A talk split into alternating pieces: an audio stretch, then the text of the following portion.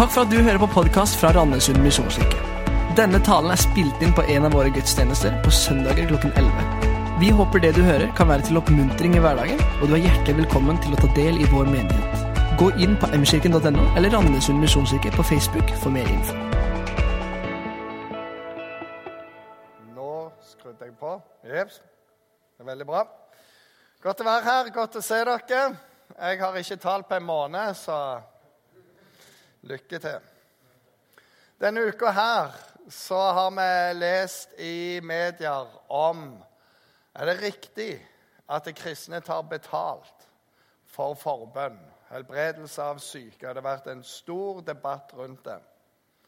Det som er interessant, synes jeg, er at eh, spåkoner, sjamaner, healere og andre de blir ikke stilt i samme lys. Det er alltid de kristne. Er det riktig at kristne gjør det? Og så kan en tenke at dette er angrep på kristne, at dette er gode underholdningsting. Men hvorfor er det her, og hvorfor er det ikke andre som eh, får disse spørsmålene? Og jeg tror Et av svarene er fordi det forventes noe annet av oss enn alle andre. Fordi det er noe i Skriften som sier noen ting. Og fordi at det, som kristen så forventes det at vi avspeiler Jesus på en eller annen måte. Det står 'for intet har du gitt det, fått det, for intet skal du gi det'. Og så blir det noen ting her som er forventa av oss, som ikke forventes av de andre. Så en kan jo ta dette som veldig negativt, eller en kan ta dette som egentlig er det veldig bra. Det forventes noe av oss. Forventes at de skal se noe i oss. Vi ser det òg når kristne ledere har en grenseoverskridende atferd. Så er det helt annerledes enn når en president gjør hva som helst, og det er ikke hva de har gjort, men om de har betalt på riktig måte eller ikke. Og hva, hva det rommet for kristne pastorer og andre det er så mye mindre. Fordi det forventes noe helt annet av oss. Vi har en annen standard, vi har en annen oppdragsgiver, vi har et annet mål. Og det er veldig interessant. Er vi i Kristus, så forventes det noe annet av oss.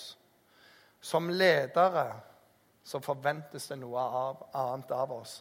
Av folk generelt av kristne og faktisk av Jesus sjøl. Det er interessant. Vi er òg i fotball-VM nå, og i går kveld så var det en utrolig interessant kamp. Det har vært mange. Eh, det vi kan lære, det, det er aldri slutt før det er slutt. Det er det, Vi må aldri gi opp samme hva. altså. Det er aldri slutt før det er slutt. Vi spiller til dommeren blåser. får vi ta det etterpå. Men det er òg utrolig interessant hvis du er med i da, fotball, følger med sånn. For i alle disse landene så fins det flere dyktige spillere som ikke blir med til VM. Men noen av de dyktige, kjempegode Jeg er Gud, bare. Skal ikke nevne navn. Men de blir ikke med, for de passer ikke inn i systemet. De spiller bra. Det er sånn De sier de er en stor spiller, men de er ikke stort for teamet. De er liksom over landslaget. De er bedre enn alle de andre. De er på en annen planet. Og så sier de nei, nei, her spiller vi for landet vårt. Enten innretter du deg, eller så kan du ikke være med.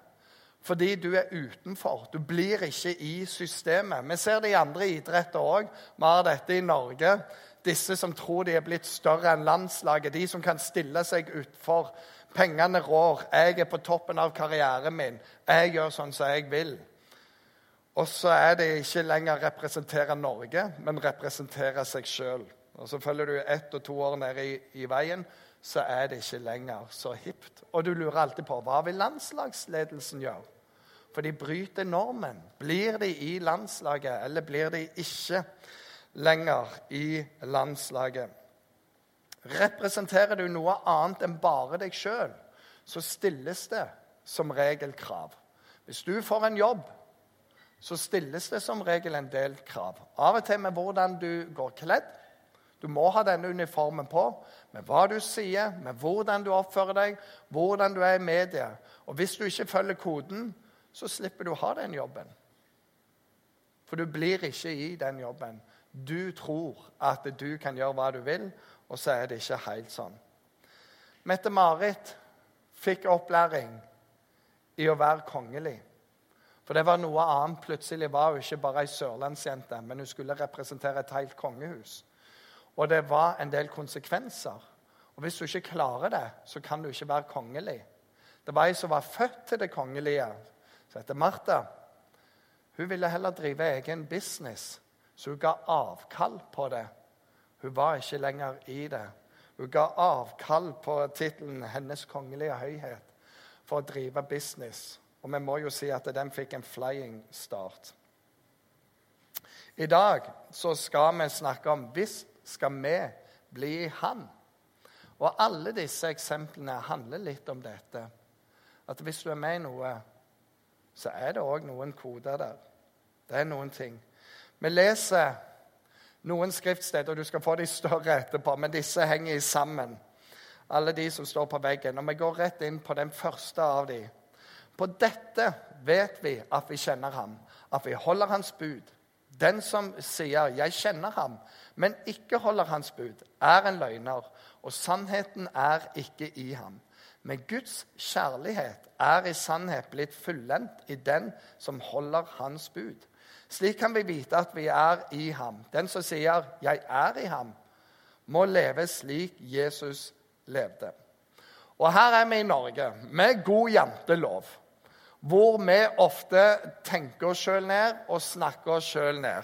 Og Når vi leser et sånt et vers, så er ikke det alltid så lett.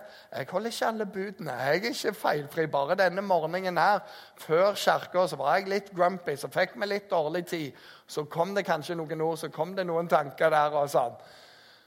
Ja, da er ikke jeg god nok lenger. Nei, men Det er ikke det det handler om i det hele tatt. Det handler ikke om å være feilfri. For vi må slite med oss sjøl og hverandre inntil Herren henter oss. Men det handler om å leve et uklanderlig liv, og det er forskjell på det. Ikke noe å utsette på. Og så handler det om retning. Hvor kommer du ifra? Hvor går du hen? Det handler om en utvikling. Og så handler det òg ofte om men hva skjer etterpå, når vi gjør noe galt. For mennesker viser seg ofte store eller små etterpå. Jeg var på en sykkeltur nettopp her sammen med en bror. Vi sykla fra Nordkapp til Lindesnes på elsykkel. Og Grunnen til elsykkel er veldig lett. Som kristen så har navnet El veldig mye å si. Du har Israel, El Shaddai, Elohim.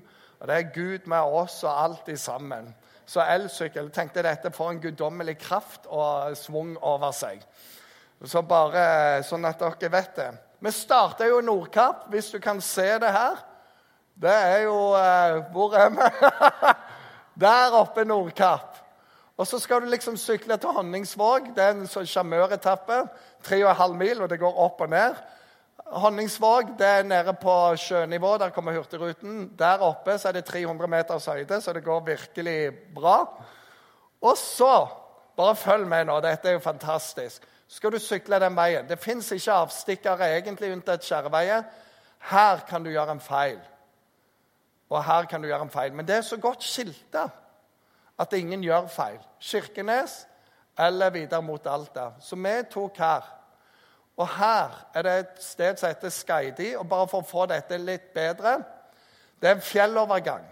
Når vi sykla på den ene ettermiddagen og sykla oppover eh, her så ser du det går oppover. Du, du kommer til fjellet. Dette er en sånn vintersted.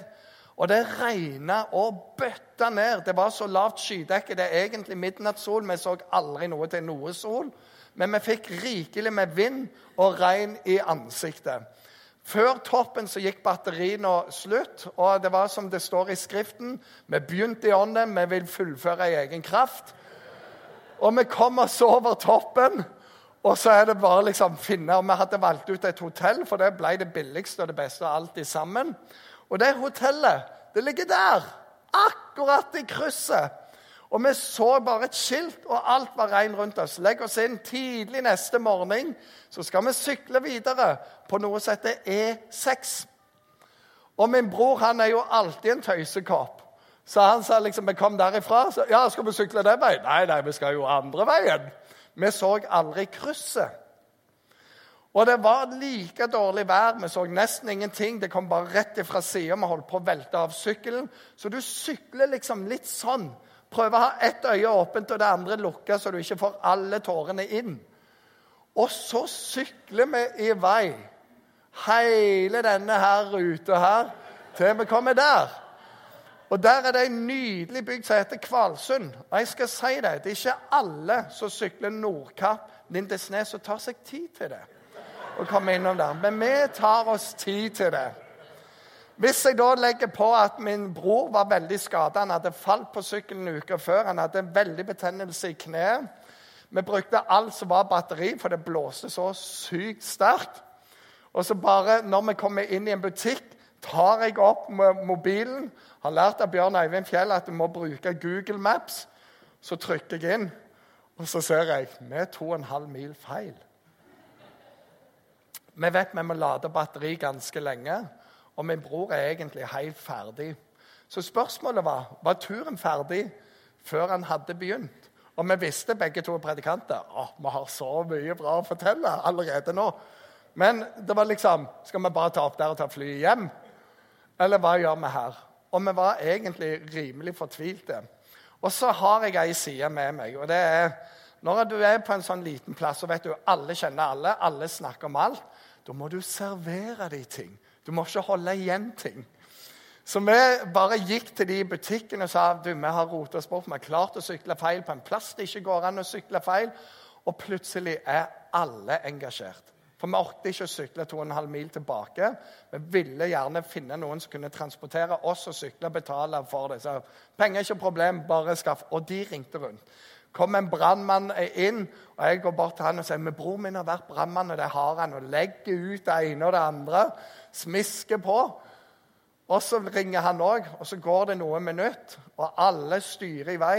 Og så kommer brannmannen og så sier du, jeg kjører dere tilbake. Hopp inni og inn i brannbilen med alle ting. Jeg glemte å ta opp bilde av det der. Og så er det jo fascinerende. Vi sitter inne i bilen. og To og en halv mil går rimelig fort i bil. Og idet vi parkerer, tar ut syklene, så kommer det en bil fresende opp bak. Parkerer ut, kommer ei dame i 60-åra og sier 'Ja, så der er dere!' Jeg har hørt om det her, jeg måtte se det sjøl! Og jeg bare sånn hva skjer? Det er sant, Jeg ser jo ikke så mye Kvalsund. Hørte historien i butikken og kom inn etter vi hadde reist. Freste på det hun var god for. Hun måtte få se det, for da har hun Og vet dere hva? Jeg har møtt dem. Så det er den der følelsen der. Som jeg sa til Bramman Adrian Du vet at alle vet det? Ja, jeg vet det. Men det er jo all mulig redning. Og så er det som det står i sangen, du kan stole på ham. Ja, du kan stole på ham. Bramman Sam. Så her Det er jo fantastisk herlig, er det ikke? To herlige pastorer. Så, så greia er Alle kan vi trø feil. Vi gjorde det bokstavelig. Og Der det ikke skulle være mulig å gå feil, der klarte vi det. Og Sånn kan det være i ditt liv òg. Du tenkte ja, men dette går bra, og plutselig så er du bare på en avstikker i livet. Og du kommer til et punkt der du tenker det er umulig for meg å komme tilbake en gang. Og før turen er skikkelig i gang, så er det slutt, og du tenker dette, disse tankene går. Og dette verset handler ikke om det. For hva handler det om etterpå? Kan vi komme videre? Lever vi i sannheten? Hvis skal vi bli i ham. Fristelsen er bare å gi opp, ta flyet hjem, la alt bare være igjen. Men du er skapt til noe annet.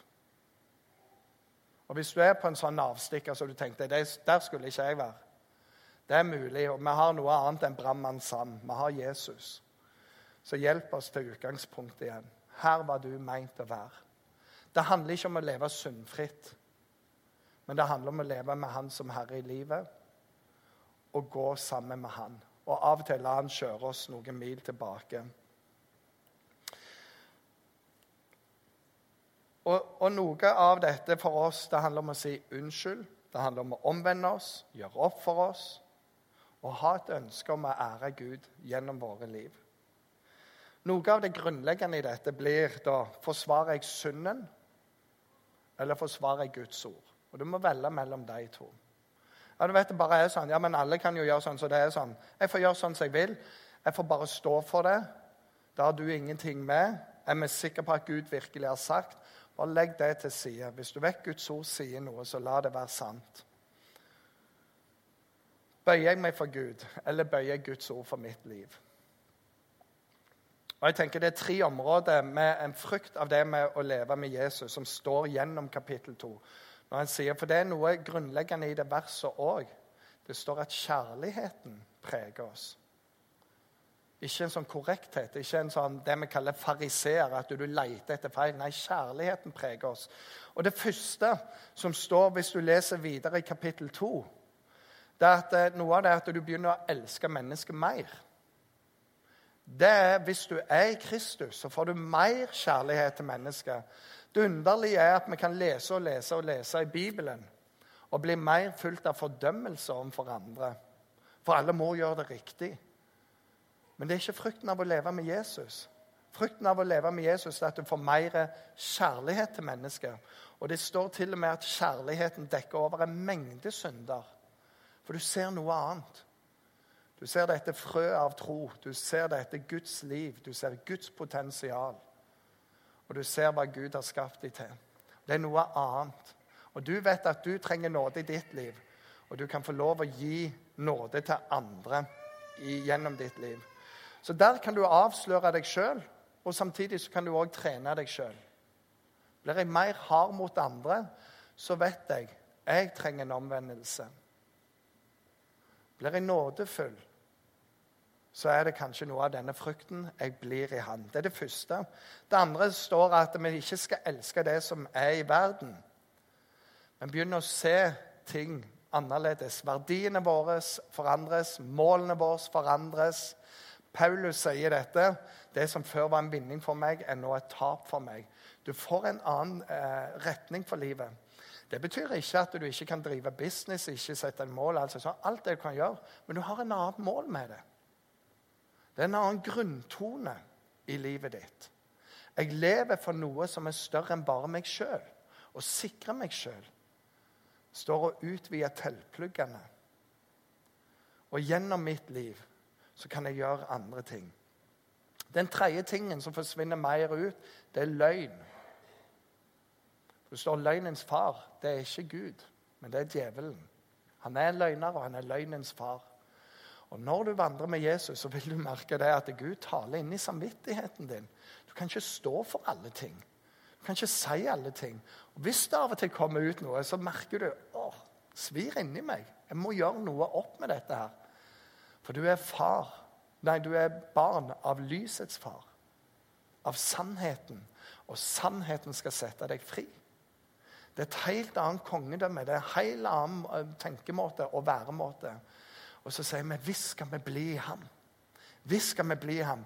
For når vi blir i ham, så begynner vi å få mer kjærlighet til mennesket. Du ser verden annerledes, du får andre mål og verdier, og du snakker mer sant. Det er bare fantastisk, de fruktene der. Det neste som jeg stanser med, det er dette. Dere unge. Jeg har skrevet til dere fordi dere er sterke. Guds ord blir værende i dere, og dere seirer over den onde. Her snus bildet. For å si vi skal være i Han, men her sier det Guds ord blir i oss. Og Det er, det en sånn herlig dobbelthet. Vi i Han og Han i oss. Og dette at Guds ord blir i oss, det er så utrolig viktig. Jesus, Det står om han i Matteus 4. Han hadde fasta i 40 dager og 40 netter. Og til slutt så blir han sulten. Jeg har en sånn 40-minuttsregel på det for min del. Den sulten predikant Roy Ellingfoss. Men til slutt så blir han sulten, og det er jo bare fascinerende. Da kommer djevelen. Og er det ikke typisk når du er på et svakt punkt, når du har behov, når du kjenner noe, da kommer fristelsen. Og Han begynner å friste. Når vi kan lese gjennom kapittelet der hvordan djevelen virkelig, virkelig frister Jesus. Jesus har én en eneste måte å parere alle disse tilbudene fra djevelen. Og det er han siterer Guds ord. Det står skrevet. Mennesket lever ikke av brød alene. Og så endrer han strategi. så svarer Jesus igjen med Guds ord.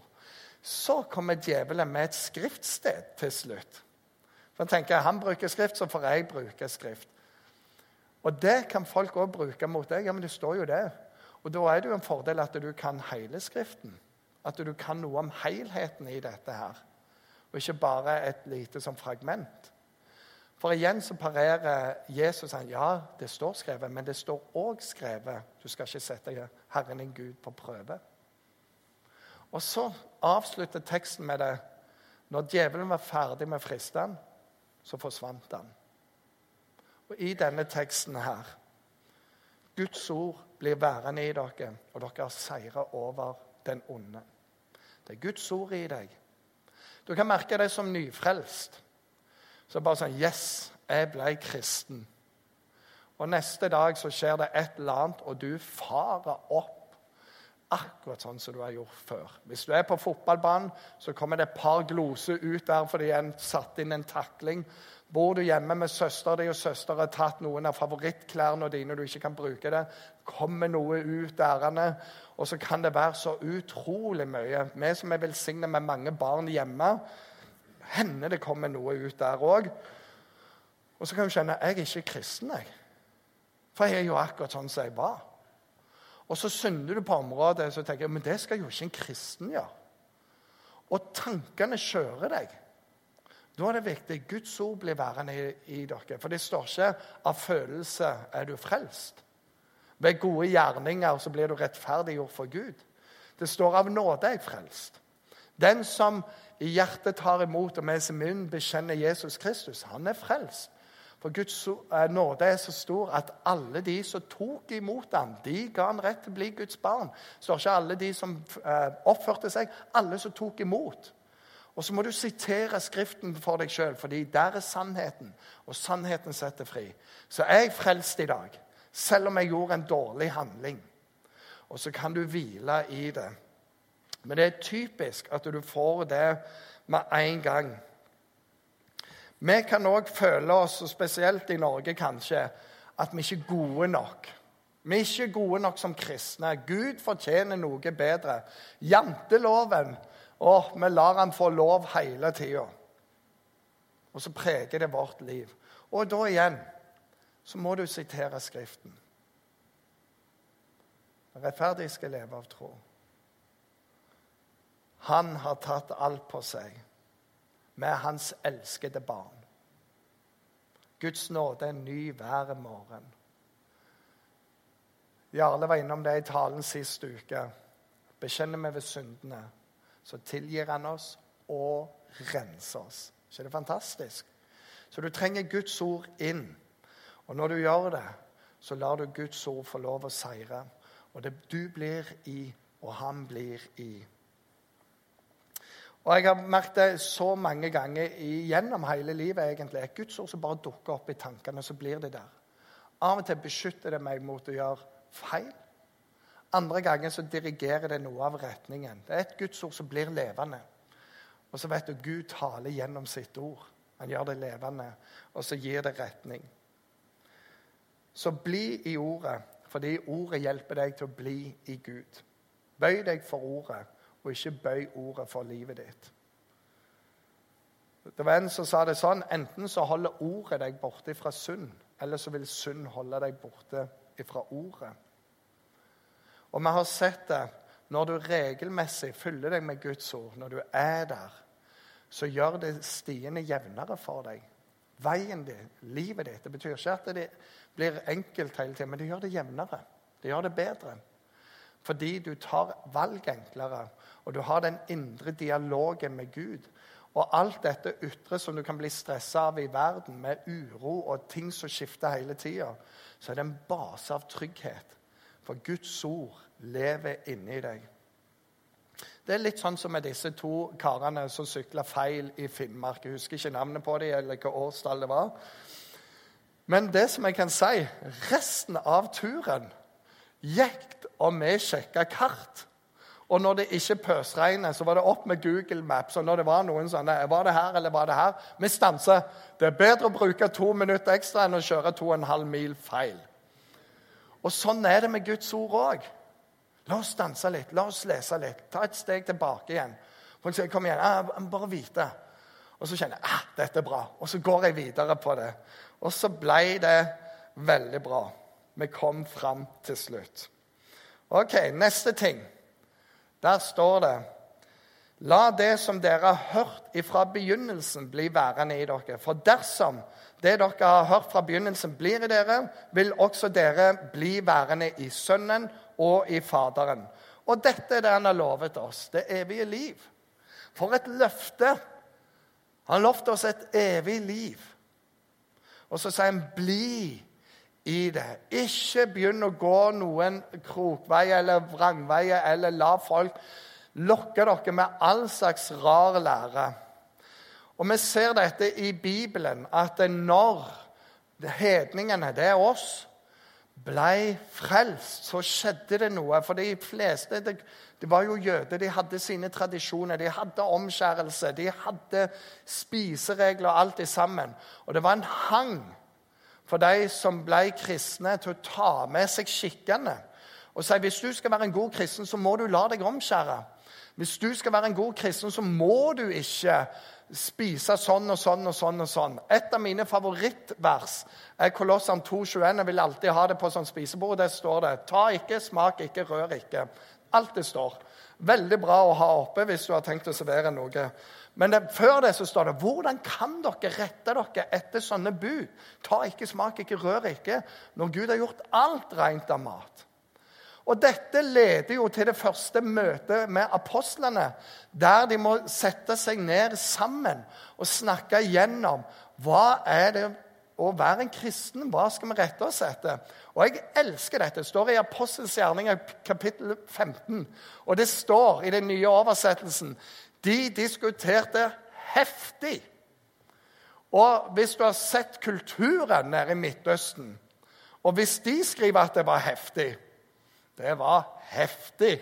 Og jeg kan lure på hvor var Den hellige ånd i det rommet der? Det var virkelig takhøyde for å dra inn hva skulle være, hva skulle ikke være. Og når de er ferdige, så sier de Den hellige ånd og vi har besluttet. Og så var det noen helt enkle ting. Så hvis du holder deg til det, så skal det gå deg bra. Og siden så har det vært flere sånne kirkemøter i i vår verdenshistorie. Fordi det er alltid noen som begynner å dra ut et eller annet. Er det bare Jesus? Nei, det er en treenig Gud. Og Derfor får vi trosbekjennelsen som sier her er Kirken. Det er her vi står. Det er dette vi er enige om. Resten, det er noe annet. Så når du skal bli værende i det fra begynnelsen, så må du lære det. Tradisjoner vil folk ta med, ritualer vil de ta med. Folk har egentlig ikke så lyst til å omvende seg alltid, så de lager sine ting. Spesielt de som vet at da ryker rikdommen, makten og seksuelle såkalte frie tøyler. Så er det en stor motstand. I det første apostelmøtet så sa det var fire ting, og det siste var å holde seg borte fra hor. Det vil si, enhver mann har sin kone som er gift med. Kos dere. Det var helt annerledes. Men så det å være en kristen, det er å være og bli Han. Og så prøver folk å skape seg makt og posisjon inn i dette òg. Gjennom å undertrykke andre, gjennom å fordreie Guds ord. Og Sist uke snakket Jarle òg om dette som heter gnostisisme.